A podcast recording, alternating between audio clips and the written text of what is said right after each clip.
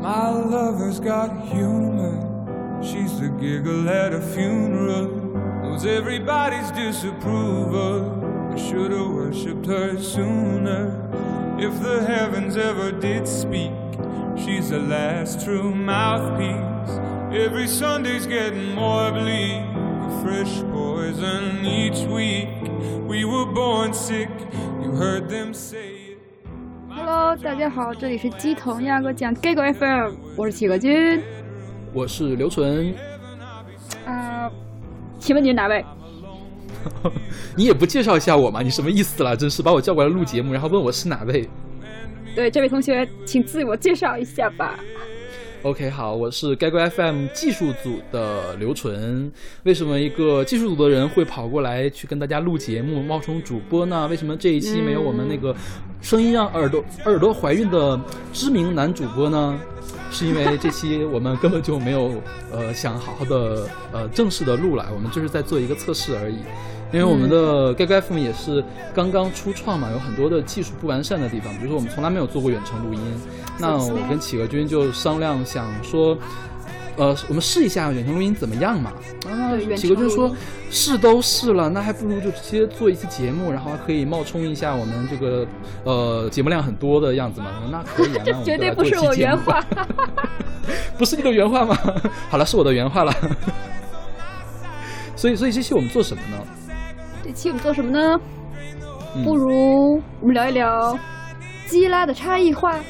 OK，你你你这个棒读好严重啊！你是不是在照着稿子念棒啊？企鹅君没有呀，我没有照，我我看着猫，我转移记转移转移注意力。因为我们该该 FM 这个团队还是挺神奇的，我觉得就是，嗯、现在网上有很多那种基友的播客，也有很多可应该有很多拉友的播客，是不是？但我觉得拉友吗呃基友有拉友的播没有是吧？因为我没有关注过，但是我我听了很多纯纯基友的播客。那我觉得就是只有自基友跟基友自己玩，其实也就那么多可以玩的东西了。那我们基友和拉友碰撞到一块，一定会有很多有意思的事情。因为这也是我我作为一个技术，我有一个小小的私心啊，我其实呃对音乐特别的感兴趣，而且我对拉友的生活也特别感兴趣，所以我才呃去请求企鹅君，我们能不能就借着做技术测试的时候录这样一期节目？对拉友的感兴趣，什么感兴趣？就是拉友，我觉得拉拉对我来说行婚吗？啊，当然行婚我也很感兴趣了。但是我觉得拉拉对我来说就很神秘啊。其实我在三次元并不认识什么拉拉，但是我认识很多基友哎。所以你是很多基友吗？对我这边对基友和拉友其实还是挺平衡的一种数字。是吗？我觉得我认识的基友能有三位数，但我认识的拉友都不超过两位数，就到不了两位数。我能想象是你们学校吗？狗妹，提到学校了。啊，是啦，我是理工科学校的。好，我们我们话题扯远了，我们这期我觉得可以聊一下，呃，比较简单的方向，因为我对音乐比较感兴趣，我说很好奇，基友听歌跟拉友听歌有什么不同？你知道我为什么会有这种感觉吗？因为我可以明显的感觉到基友听歌跟直男是不一样的。哎，这个怎么说？就是，呃，我我觉得啊，平时听歌可能看不出来，但是你到 KTV 里面就全都看出来了。比如说，对对你今天看了一个局啊，首先这个局里面如果没有女生哈、它有两种可能。第一种可能就是 理工科院校的这个同学们呢，刚刚踢球比赛赢了之后，大家过来一块儿唱歌来开心一下。理工科但还有一种可能呢，就是这是一个这是一个基友群基友的一个 party，然后呢，你只需要看一下他们在唱什么歌，就可以知道他们到底是基友基友 party 还是这个呃普通的直男 party 了。哦，像直男呢，像直男一般会唱呃大热的歌吧，而且我觉得如果男生多的话，基本不会去唱女生的歌。对，像我这个年龄哈，像我这个年龄，我是我是八八年的嘛，我是赶上了八零后的尾巴。我觉得我们呃直男朋友们最爱的歌都是什么伍佰呀、刘德华呀、张学友呀也是说这样的歌，八零然后的热歌曲、热门歌曲。对对，哦。后面还有比如周杰伦，周杰伦当然基友们也会很喜欢周杰伦，不过因为周杰伦太流行了，不管男女，不管是基友还是直男，都会很喜欢。但是你会看到，绝对不会有什么直男的人在那不断的去唱什么王菲呀、莫文蔚呀、孙燕姿呀这样的歌。所以我觉得基友听歌跟直男是有很大的差别的。OK，那我既然我因为我我我是最近在加入到这个 Gag FM 大家族里面的，这个群里面有很多的那个拉友，我就特别的好奇，拉拉们到底在听什么歌？他们听的歌跟基友是不是一样的？跟侄女们是不是一样的？所以我在想，来这这一期节目，就是第一是告诉普通的直男和拉拉们，我们基友听歌跟你们有什么不一样？第二，我想问一下，作为基友呃，作为拉友的这个企鹅君，你们听歌跟侄女或者是跟普通的侄女有什么不一样？哎，我觉得这个还是蛮大的区别。是吗？我觉得拉友对拉友这边好像他们都会听已经出柜的女歌手的那些歌曲，比如说，比如说，我想啊，国内现在就是不是国内了，就是华语圈子已经出柜的卢凯彤，对对对对，我有朋友在听。还有还有还有谁啊？我我因为我觉得我们之前就是专门去调研过，就是因为我很爱音乐，我专门去调研过，好像出柜的人并不是很多。好像郑一农也出过柜，但是我觉得郑一农这个人就特别的小众。我能说抱歉，我没有听过他吗。是的，他就是很小众，我都忘了他，而且他出柜啊，当时我还去查了一下，他出柜是他先结了婚，结了婚之后离婚，离婚之后说自己是一个双性恋，这样一个女歌手。了不起，OK，那我来说一下我对拉友听歌的印象吧，就是我想象中的拉友会听谁的歌？哎，等一下，我觉得他们会听田馥甄。嗯对对对，是有，但但你们在 KTV 有跟拉友去唱歌吗？所以没有过。没有啊，因为我只认识个位数个拉友，啊就没有跟拉友出去玩过。我觉得好呀好呀，那你想象一下这个画面。我跟你说，我我认识的拉友都是在行文群里面认识的，哇，行婚群，基本上基本上。回头拉我进去哦。而且也，而且也谈，而且也谈不上认识哎，所以我真的是生活中没有什么拉友的朋友，嗯嗯，所以我才特别的渴望知道拉友平时在听什么歌。我再接着说我的猜想啊，我觉得拉友们可能会比较喜欢听田馥甄，对，有有有，我不知道为什么，就是田馥甄就给我一种特别拉拉的感觉，当然他应该不是哈，可能。嗯、保留意见。我不知道他是不是。然后还有那个窦靖童，哦，有有有有有，是吧？我觉得窦靖童就，呃，从形象上就很明显的是那种偏中性的形象了。对，但是因为其实对对于嗯对于非基友来说，就是非拉友来说，我们其实不太容易判断一个人是不是拉拉。哦就是尤其是像我们基友会分攻和受，我知道拉友也是分 T 和 P 的嘛。如果是一个 T 的话，尤其是特别男性化的 T，我们可以一眼看出来。但我觉得如果对于 P 的的话，我们是基本上是分辨不出来，我们的雷达是够不到那个地方。我觉得就像呃，虽然我们的雷达可以。可以分辨出身边的基友，但如果你不是基友的话，你很可能会把他当做一个直男，嗯这样一样的感觉。了解。对但是窦靖童就是明显那种是拉友会喜欢的人呐、窦靖童其实他的受众点还蛮多，我觉得他从直人是吗那边也会有很多的受众，像宇宙之人那些女生也会听他的歌，会唱他的歌。因为我见过很多那个窦靖童的粉丝，直接在评论下就会喊老公老公啊，是这样吧？那这种绝对不是拉吧？对，我觉得这样的绝对不是拉。对对，说起来喊老公呢，还有另外一个人就是陈粒，是陈粒会有很多拉拉听吗？我知道很多女生都喜欢陈粒。是有很多女生，尤其喜欢那些民谣啊、独立音乐，都会喜欢陈粒他们。但好像拉友我也没有听他唱过。哦、因为陈丽应该也是出过柜的，哎，她是出过柜的，她好像是个双性恋。啊，她她不是出过柜，她就是个双性恋。她之前火的时候，不就是因为她跟一个女人在谈跨国恋，然后后来又分了手吗？我我哦，你你不知道这个事儿是吗我不知道哎。？OK，哦，孤陋寡闻了。我觉得陈丽和卢凯彤可能是华语乐坛里面唯二出柜的两个女女歌手吧。嗯，我觉得陈粒的歌应该不会很多。那我觉得是因为陈粒的歌会不会太难唱了，所以大家不会很多人去点他的歌。哦，因为基友们很爱在 KTV 里面点陈粒的歌，啊，这样就是我认识的基友，我认识的基友啊，因为我可能认识很多文艺基，就是那种听歌不听不听小不听大众歌的那种人，嗯嗯，就是会唱一些什么张悬呀、什么魏如萱呀这样的，还有陈珊妮啊这样的那个歌。啊，小众派的，嗯，这样我跟你描述一下我们基友的这种 KTV 的聚会一般是什么样的一个调性吧。好就是大家大家特别喜欢用假声，你知道吗？假声，因为我觉得假声对，就是呃，一般的男生是没有办法唱女生的歌，因为太高。但是如果你用假声，不是用真声，就是真嚎出来呢，像那个信他们唱死了都要爱嘛，那个都是嚎出来的。是如果你不嚎出来，比如说唱成李玉刚那个样子，那就是那个假声了嘛。我觉得，当然，当然，我们基友去唱 K 歌的时候，不都是李玉刚的调性嘛？但是很多人会用假声去唱女生的歌，哦，我觉得这个是直男和基友比较大的一个区别。嗯，那你要说假声的话，拉友这边唱男生歌也会用假声呀，因为有的歌实在特别低或者也特别高，我们的身份不一样，对，有也会有这种，就会把声音沉下去来唱，是吗？对对对，或者调那音调，然后调成自己那声音差不多来唱。哦，这样看，我看我们，我看基友会比较喜欢唱女生的歌，那么拉友会比较喜欢唱男生的歌吗？嗯，会会是吗？什么林宥嘉、哦苏打绿，啊，这就很神奇，因为林宥嘉和苏打绿也是基友们喜欢唱的，哦，有共同点。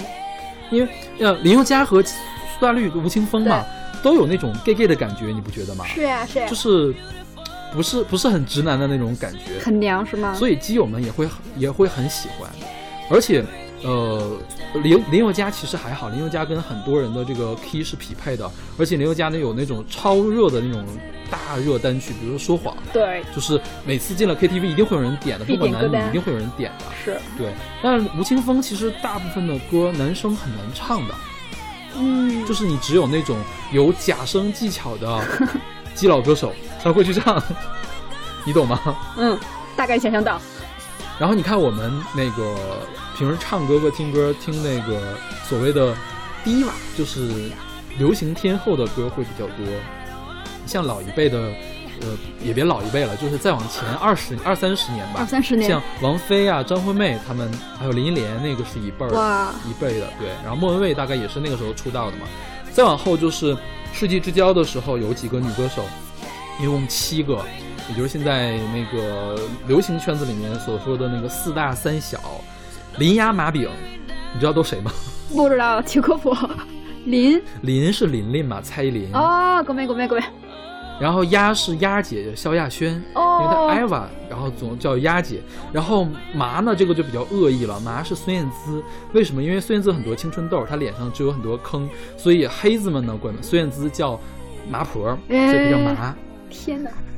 我我觉得我我们这期节目会不会招到孙燕姿的粉丝的这种 抵制啊哎，我们毙掉。OK，然后还有那个还有饼，饼是梁梁静茹，因为梁静茹脸很大，是个大饼脸，所以管她叫饼 饼姐。靠，这是我们这边完全没有听过这种说法，还是我自己真的是不知道？好吧，我错了。因为这个就是基佬们的一特点，就基佬就很恶毒呀，嘴很毒啊。四大三小是吗？对，还有三小，三小呢是河马、海豚和水母，就你没有听过是吧？没有。河马是那个王心凌，诶，因为王心凌长得有点像河马，大概是这么回事。然后水母是杨丞琳，因为杨丞琳总梳水母头，最早期的时候。然后海豚是张韶涵，张韶涵最开始演过《海豚湾恋人》哦对，，四大三小这几个人是在基佬中很受欢迎的女歌手。因为最近不是王心凌出了新专辑嘛，就是呃王心凌的公司零宣传，全靠零宣传这个梗你有没有听过？嗯，是什么？就是零宣传，因为王心凌已经过气了嘛，所以环球公司，而且本来环球公司的这个公关就做的不是特别好，宣传做的不好，就宣发几乎为零。然后呢，全靠零宣传呢，就是全靠一零那个零来宣传。这样，对，这也成为了一个梗。所以你们你们拉友的圈子里面没有这样类似的梗啊，或者是有趣的事情吗？诶，我想一下，好像会有，但我这边目前还不知道哎。我其实其实我觉得就算是没有，也是有点正常的。我觉得那个基友里面有一群。呃，未必人数很多，但是能量很高的人，就是他们很毒舌，很愿意去编这些事情，而这些事情又很有趣，所以会流传的非常的广，就造成一种这种错误的偏差，就感觉就是基友这边能量会比较大，然后有趣的是事情会比较多。就像欧巴基佬是吗？欧巴基佬什么鬼？你给我解释一下好吗？所所以欧巴基佬是什么啦？欧巴基佬不是那个欧巴很很有名的一些毒蛇吗？欧巴，啊哦，欧巴是韩国的，韩国的是吗？韩国的哥哥是吗？哦，不是那个欧巴，是那个日本欧巴桑那个欧巴吗？也不是欧巴。哎，我们的欧巴说的不一样吗？欧巴是那个贴吧里的一个。哦，我知道了，欧巴，你说的是 Orican 那个巴是吧？对。对对对对，说到了这个欧巴，欧巴也是一个，我觉得是一个基佬的聚集地。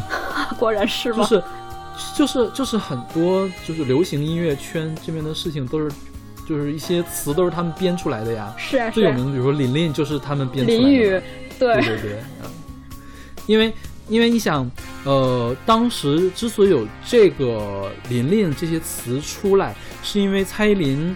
他的那个封面借鉴了滨崎步，嗯，然后蔡依林的粉丝有些粉丝又很脑残，就去说说并不是滨借鉴滨崎步，而滨崎步来抄袭蔡依林，结果欧巴的人就很生气，就是惹到了滨崎步的那些粉丝，对对，我觉得那个像，对，因为像日本就是世纪之交的时候，刚好也是一个歌姬盛世，对，就很多女歌手特别有名。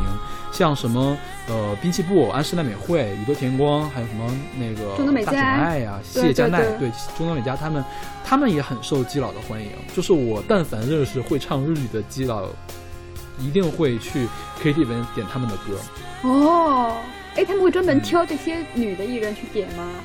因为男艺人好像也没有什么可以唱的。哦，对啊。可能是那个年代跟那个年代也有关系，那个年代的男歌手就比较疲软呀。对，说到日本男歌手，其实呃，好像在基友中比较有名的是中孝介，因为他长得帅啊，唱演歌的那个。对对对，而且有也有那么一点 gay 里 gay 气的那种感觉，是吧？他好像出了吧，出了吧？他出柜了是吗？OK，因为因为他在那个台湾发专辑的时候，你知道宣发怎么讲的吗？宣发是说这是台湾人最喜欢的啊，台湾同志。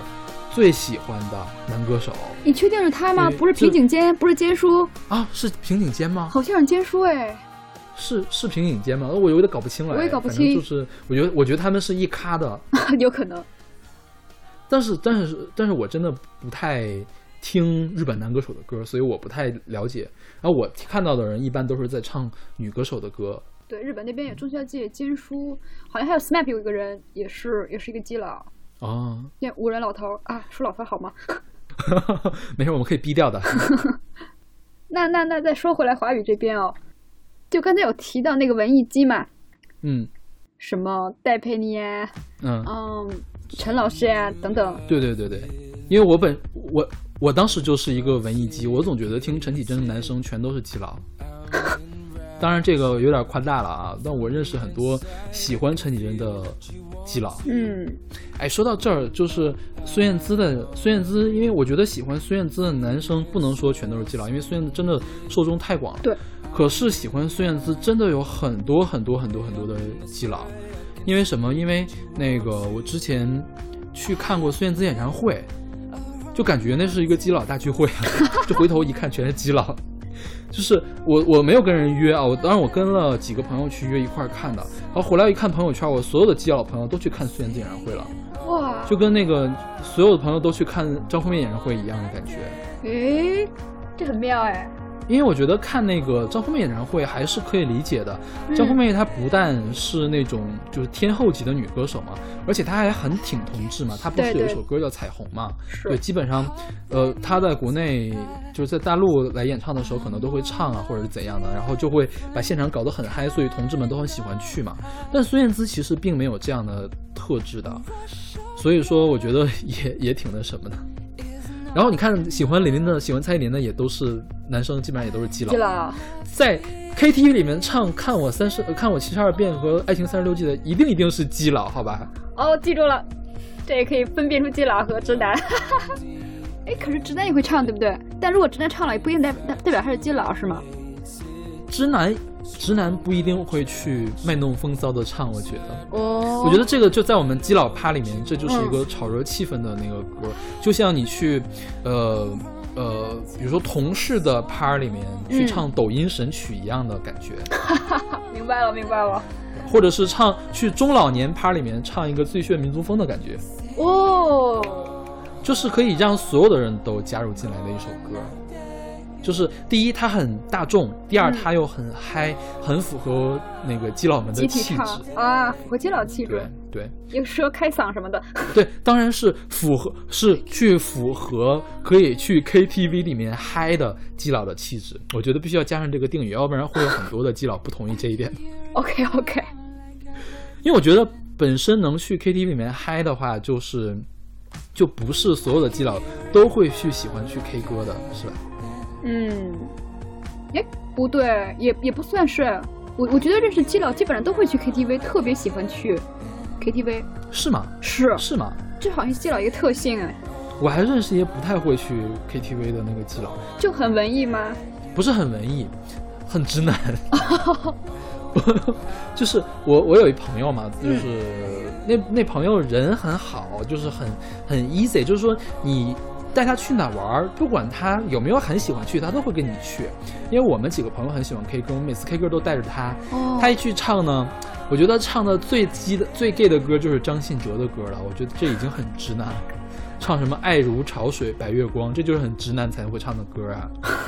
然后会唱一些九十年代的那个九十年代电视剧主题曲，就 比？如说孙楠的歌啊，孙楠什么那个少少少年包青天主题曲啊，这我的个就很直天男啊。所以每次我们都会嘲笑他，就是说你这个直男的品味。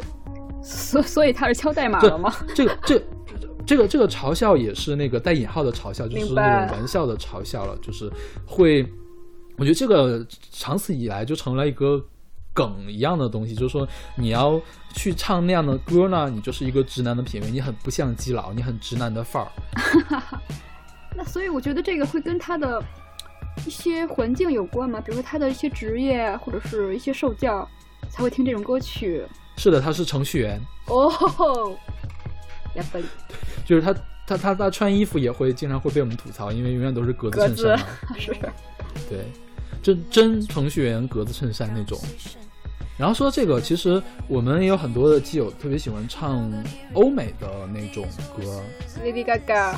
对，Lady Gaga，我觉得在 KTV 里面唱 Lady Gaga 的歌，而且还用假声唱的很好，他一定一定是基佬。嗯，我就没。有看到任何一个直男把 Lady Gaga 的歌能唱好，哎或者是 Beyonce 啊，或者是什么的。那这么说，像一些翻唱平台那些人唱 Lady Gaga 等等一些人的歌曲，也能说他说明他们是基佬吗嗯，你不能这么绝对吧，就是有哦很大的可能。？OK，因为他们声音真的很好听。就一定是有直男，他可以唱的很好的，因为还有什么假声男高音，就美声他们会有专业的假声男高音嘛，你不能说人家全都是基佬，但是如果你本人又特别喜欢，就是会非常的狂热的去私下去练这个东西的话，他就很有可能是一个基佬。哦，明白明白。那这个在女生在拉这边就很难去判别了。如果她真的很喜欢这个歌手，刚好这歌手又有一些特点，那她未必也是一个拉，是这样的，就没有那么哦像鸡那么纯粹。OK，因为我觉得可能是，呃，女生的话唱男生的歌门槛没有那么高，但是男生的唱女生的歌门槛会比较高一些。如果你想唱假声，因为我真的是不认识特别多会用假声的直男，我几乎没有碰到过，用假声的，因为直男不会去开发自己的假声。嗯我是这样的，可能也是幸存者偏差，啊就是我没有认识到特别厉害的男歌手，就是就是可以去 KTV 里面唱歌的男生。对，还有一种可能就是你们唱歌没有带女生去，如果女生在的话，她可能会飙假声了，这也是一点。呃，没有，一般比就是我跟我们组的，比如我们课题组啊，或者是我们单位的人一块去 K 歌的话，嗯，需要去飙假声的时候呢，也是我去飙假声，不会有任何一个男生来跟我一块飙假声的。天哪！那我有的时候会跟，比如说我跟我朋友，那我朋友有可能有基、有直男，还有一些直女之类的。那他们嗯就在女生的带动下，他们有的直男也会飙假声，就很美妙。哦，就是飙比如什么歌呢？死了都要爱吗哦，对对，会唱信乐团的歌会飙假声。？OK，因为我们标假声不一定是不像不不很不应该不一定会是那样的歌去标假声，哦可能是就是更加女生的歌去标假声。啊，海豚音什么的是吗？什么张张韶涵呀，还有那个张靓颖之类的啊？对，女生的歌。嗯哼，然后其实很奇怪的是，我们之前因为 K 歌这种事情，并不是说我们那儿我们去 K 歌是去看谁唱的好的嘛。嗯 K 歌我觉得我去参加的 K 歌，我觉得更重要的是气氛，就是你嗯 K 什么没那么重要，重要的是你跟谁 K，你 K 的开不开心。哇，我们一般会这个样子。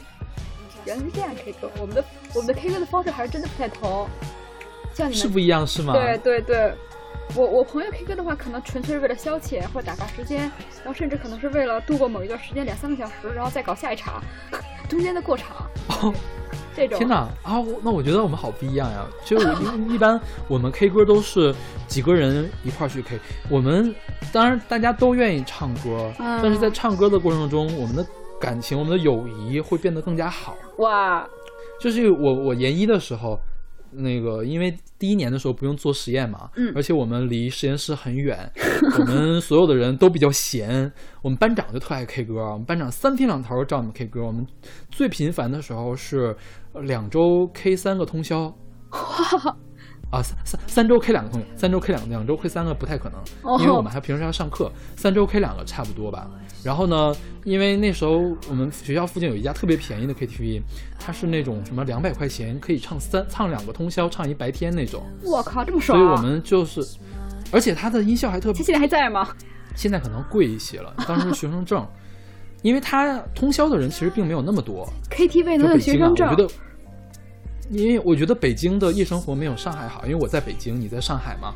北京的夜生活并没有上海要好，所以他可能哎，嘟嘟，我也在北京待过，哦是这样，所以我觉得在北当年我在昌平待过。在昌平是吧？是是所以在北京那个可能白天场和晚上场它是用不到的，就可能会空置。你既然空置了，也要运运行费，那你还不如去便宜点儿就卖给学生，学生们还能疯狂的就过来抢。啊，了解了。就当时我们 K 歌其实还挺猛的，就是晚上包夜场，从晚上十一点开始，第二天早上要 K 到早上九点。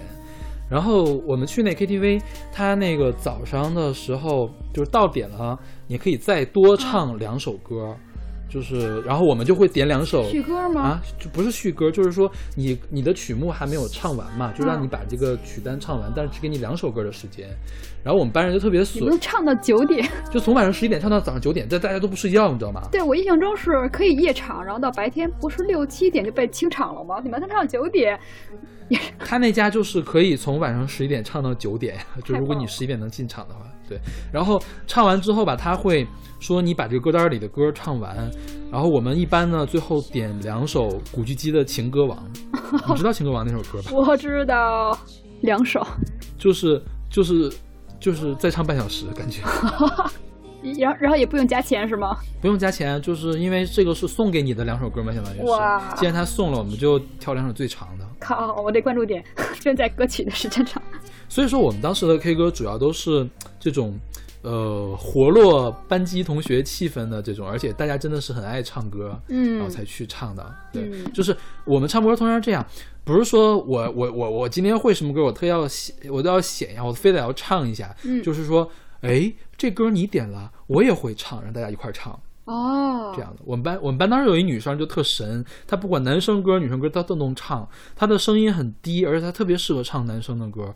一般我们唱五月天的时候，是属于那种你真声顶不上去，假声又没又不到的时候 她就可以来救场。嚯，就五月天很爱写一些他们自己唱不了的歌嘛。是这样吗？五月 是啊，我我我又开始黑五月天的时候，我我就是那种特别毒舌的基佬，我觉得。啊，这个我喜欢。可以可以，所以你们 K 歌竟然不是这样的，是吗？嗯，我们 K 歌好像就点自各自的歌歌单，然后即使有人会唱的话，也可能在非麦的状况下，会一块儿对不会一一块儿唱，就可能那个人对不会一块儿唱，就即使他很喜欢，他可能会会把那歌再点回来，然后自己再唱一遍，就他也不会跟别人一起哦唱，就感觉好像就莫名的要 PK 一样。太好玩了，这个，因为我们就算是就是这歌我可以一块儿唱嘛。如果说，因为我会看一下嘛，如果他我看他他特别喜欢唱嘛，嗯，我会唱唱一段儿，唱一段儿然后给他唱一段儿，然后我再唱一段儿，我们两个交替唱。我觉得这样有一种互动的话，大家气氛还是蛮好的，要不然真是坐那儿太尴尬了，简直。嗯，这种情况也可能会在熟人之间发生。比如说，你跟一群不熟的人去唱歌，就可能会各唱各的了。那像我跟我比较熟的朋友唱歌，那就很随意了，就一人唱一句，甚至他会唱女生，我会唱男生。哦，所以你还你还有参加过这种不熟的场有是吗？就我朋友，然后叫了他的朋友，然后就凑一场。哦，对对，这种情况也蛮多的。我还蛮少参加这样的场，因为一般 K 歌局是我组的，K 歌吗？所以你知道为什么要选这个节目，呃要选这个主题了吧？因为我真的很熟啊。对了，我还有一个问题，就是说，嗯，其实现在流行音乐里面有很多会打的这种同志噱头的作品，不是那种真正需要称同志而打噱头的，比如通常在 MV 里面比较常见。哦，比如说，我说一个那个陈奕迅的十呃兄妹，你有印象吗？有一点点，你看过你看过那个 MV 吗？那个 MV 讲的好像有。那个歌讲的其实并没有这个同志方面的事情，但 MV 拍的就很很很拉拉呀，就是讲这个好像那两个女生最后在一起，然后把陈奕迅给抛开了一样的感觉，所以女拉拉呃拉拉们会比较在意这种事情，或者说他他们是怎么看这样的事情的？呃，你是说啦，对这种 MV 里有一些百合情节的这种歌会会对，去听，还是对你会去啊？就会比如说会觉得这事儿很有趣，说我看到了我就跟你分享一下，或者比如说这歌很有趣，我觉得我们今天 K 歌的话可以拿它来活跃一下气氛，会有这样的事情吗？会有，但不一定会唱。我觉得他们可能为了这歌中的 MV 去点一下，然后会开原声啊，但哦但他们不一定会唱。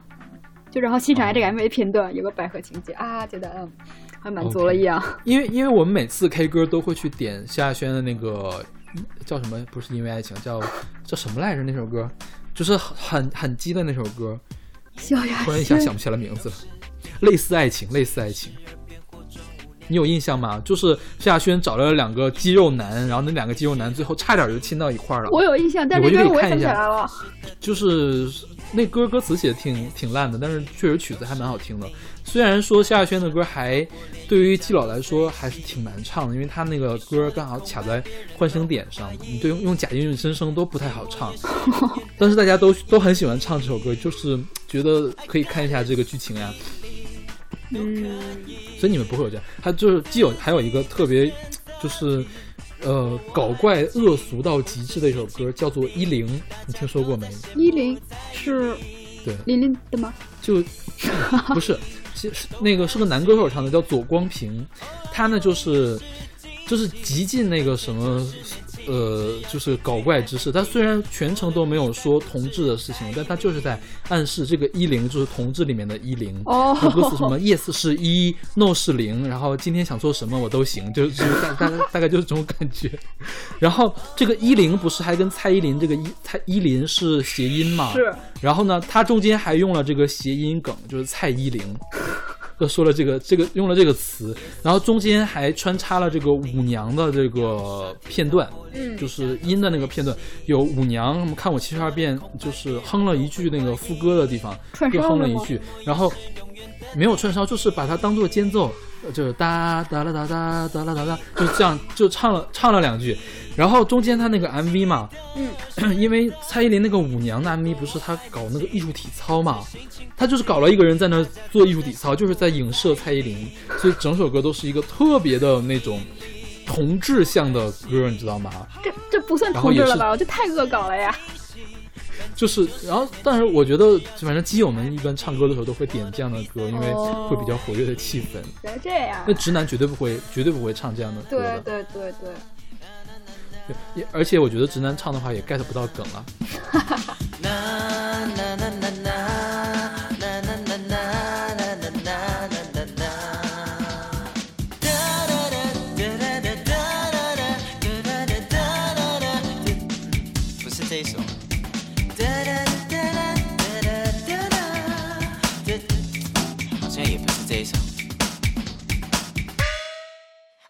I got it，一零都可以，自己的选择题。如果我还年轻，不知心情不定，大家都在羡慕蔡依林。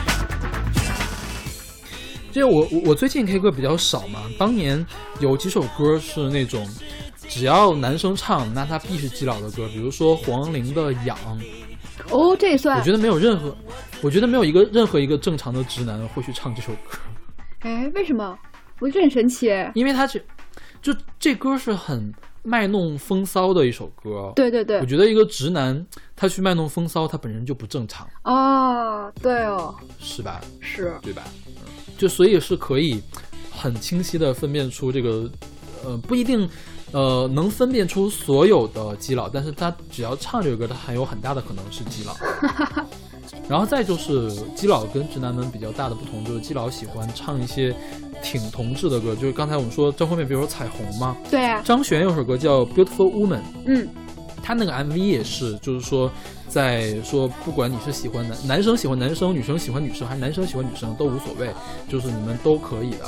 泛性恋他那个歌歌词也没有说出来，但是 MV 里面说的很清楚，所以当时张悬这首歌在我们基友圈子里也很火。炸了就，对，然后还有那个 Christina Aguilera 唱一首歌叫《Beautiful》，嗯，其实也就是一首励志歌，但是他的 MV 里面就是有各种各样的人，有什么异装癖啊、同性恋呀、还有那种就是生来就特别弱小的，因为美国他们不是体育明星，就是你在学校里面体育比较好，可能会比较受欢迎吧，就是那种身材弱小的，就算你学习再好，你也会被人欺负。嗯然后还有这样的人，就是他那个歌词就是说，你这些人呢，你非常虽然现在觉得你自己很自卑，但是你记住你是 beautiful，你是美丽的，就那样一种励志歌。所以这个歌在基友圈子里面也算比较火。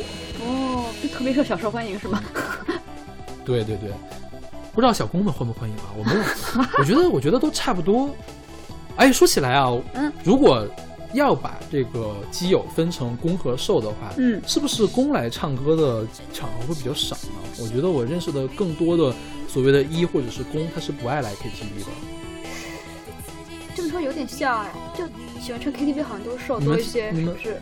所以你们拉拉也是这样吗？拉拉好像并不是，不管是 T 还是 P，好像都如果喜欢 KTV 都都蛮热衷这个，而且也没有特意去 OK 分而且好多 T 的那些声线都很那些粗放嘛，然后他们也很适合唱那些男生的歌曲。就我也见过那种哦就长得很很很很很帅的那种 T，然后他们去唱的歌真的很像爷们的声音。天哪，我好想见识一下呀！那个老你可以帮我约个局吗？演唱约约约，还可还像我这样的，比如说，姑且也算是个 T 吧，然后，对，然后就声音唱的很柔，很很呃很弱小的那种，对对对，我也算是一种吧。OK，也就是说，其实拉拉那边并没有像我们基友这边这么明显的划分，是吧对的，？OK，那我觉得还挺不一样的。对我之前去问了一下我的少数的几个拉友，就是问了一下他们平时喜欢听什么歌，他给我的反馈也是好像没有什么特别特殊的，因为他喜欢听的歌就是什么周杰伦呀，这样林俊杰呀，我觉得是所有的人都会喜欢的歌手。很大众化没有。特别的特殊。对，不是，其实也有一点特别喜欢那种歌手或者是一些歌曲，未必能在 KTV 找得到，因为现在版权意识太严重了。OK，比如说呢？比如说什么呢？比如说像一些新歌，真的有一些那种像有彩虹的那种倾向的，它真的搜不到了。对，我想想那歌名突然想不起来了，就真的有一些歌曲，有些呃，也不是最近一八年那会儿有一些歌就直接被禁掉，甚至就就别说在哦 KTV 里了，就就一宣传都没有宣传到，但是我们的其实是能搜得到的，会有些报道啊，但是你就搜不到歌曲了，很悲催。OK。对，说到进气 K，其实我很久没有进 KTV 了。我觉得现在 KTV 是不是产业已经是夕阳产业了呀？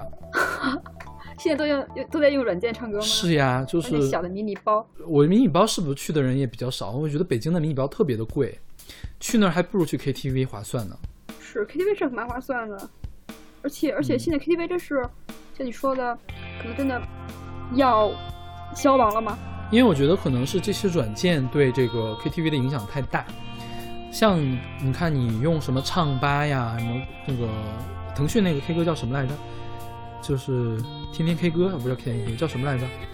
反正是那些 K 歌的软件哦，我我最近用那个英语，啊。我们虽然给人打广告嘛，请那个、哎这提到的这些这些那个单位把那个广告费打给我了。其实这些软件对这个 KTV 的冲击还是挺大的。我真的很久没有跟基友们一块去 K 歌了，当然可能跟我比较忙也有关系，不是当年那个可以三周通两次宵的那个少小年。伙伴们，他们还在吗？小伙伴们基本上都不，呃，在还是在说不在了，好像就怪怪的啊，可能不在北京了。不在北京了。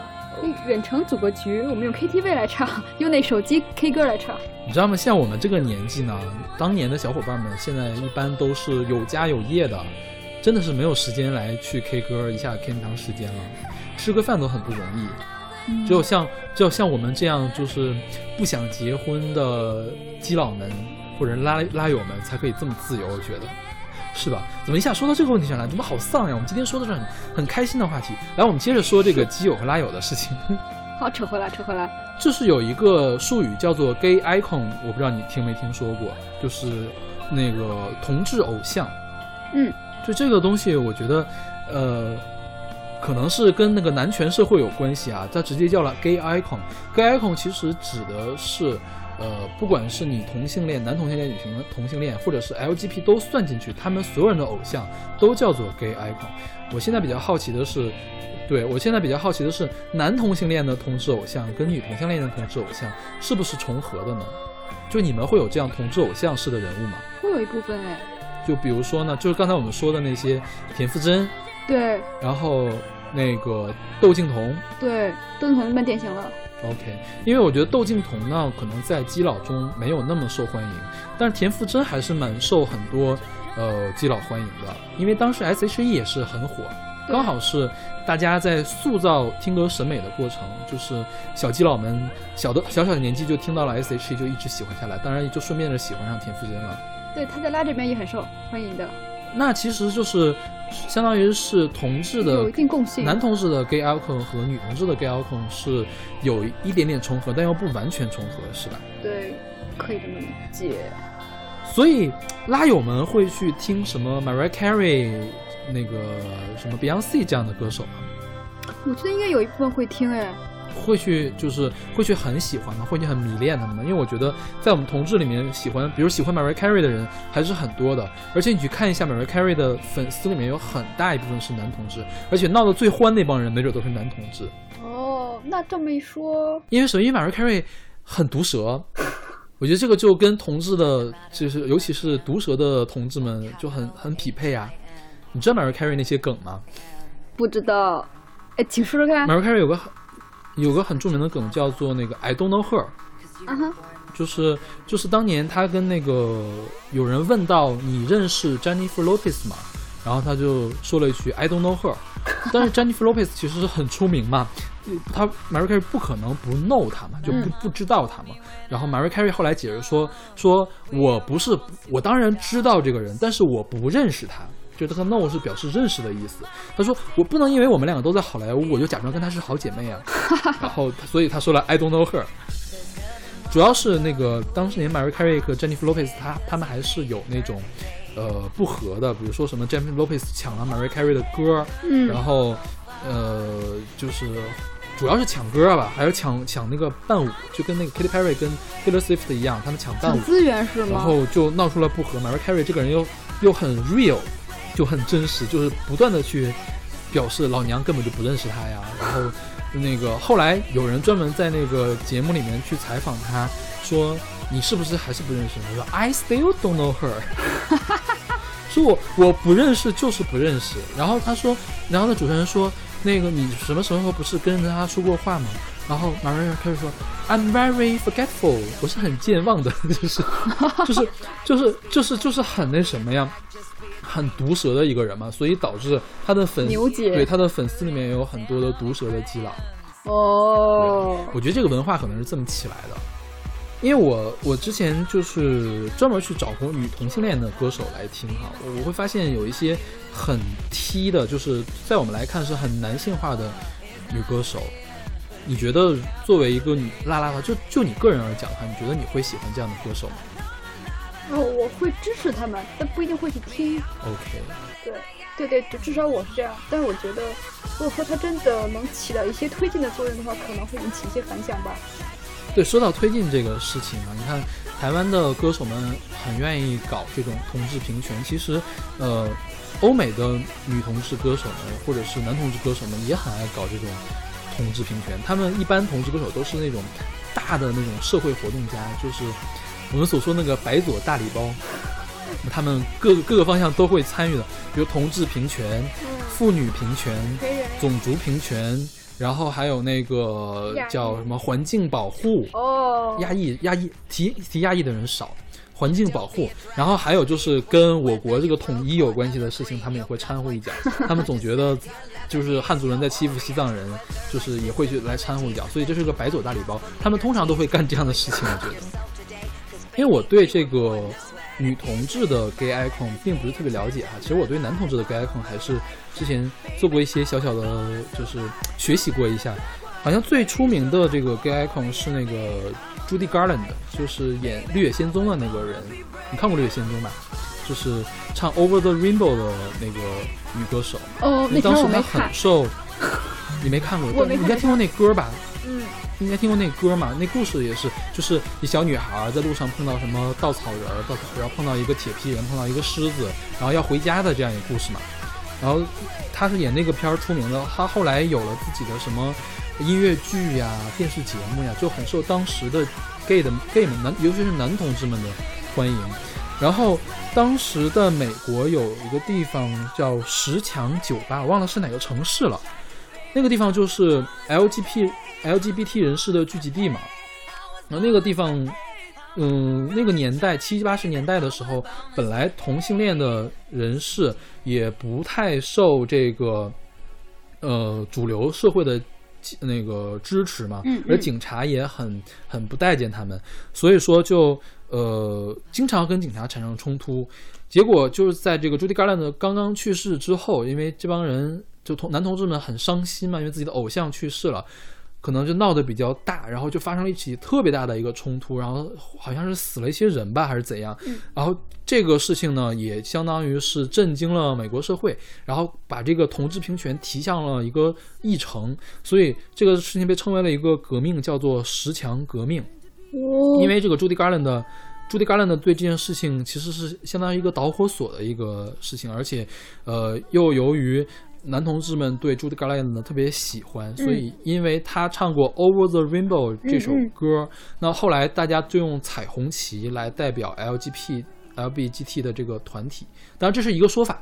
嗯彩虹旗的来源是有这样一个说法，当然还有其他的说法。哦，学到了，学到了。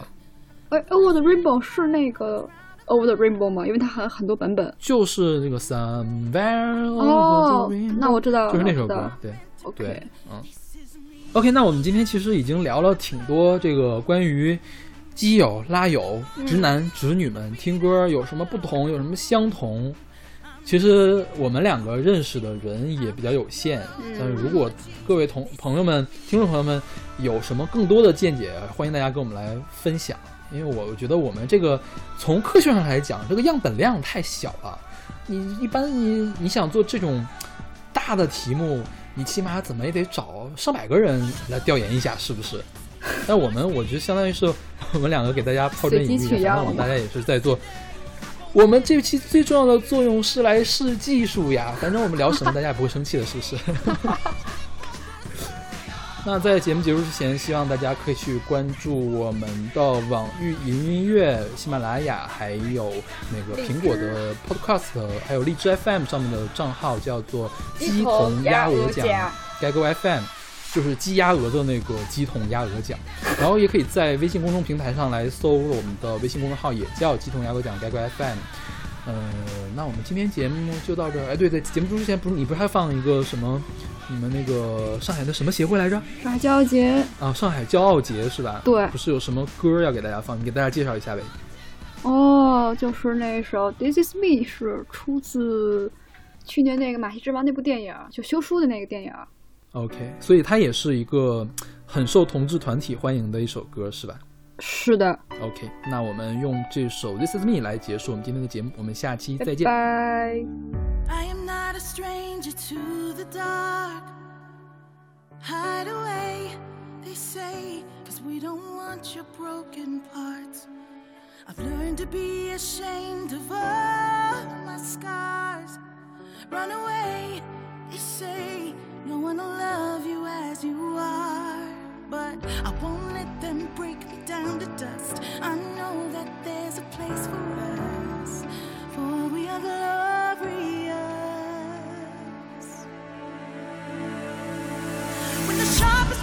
wanna cut me down. I'm gonna send a blood, gonna drown him out. I am brave, I am bruised, I am who I'm meant to be. This is me. Look out, cause here I come. And I'm marching on to the beat I drum. I'm not scared to be seen, I make no apologies. This is me.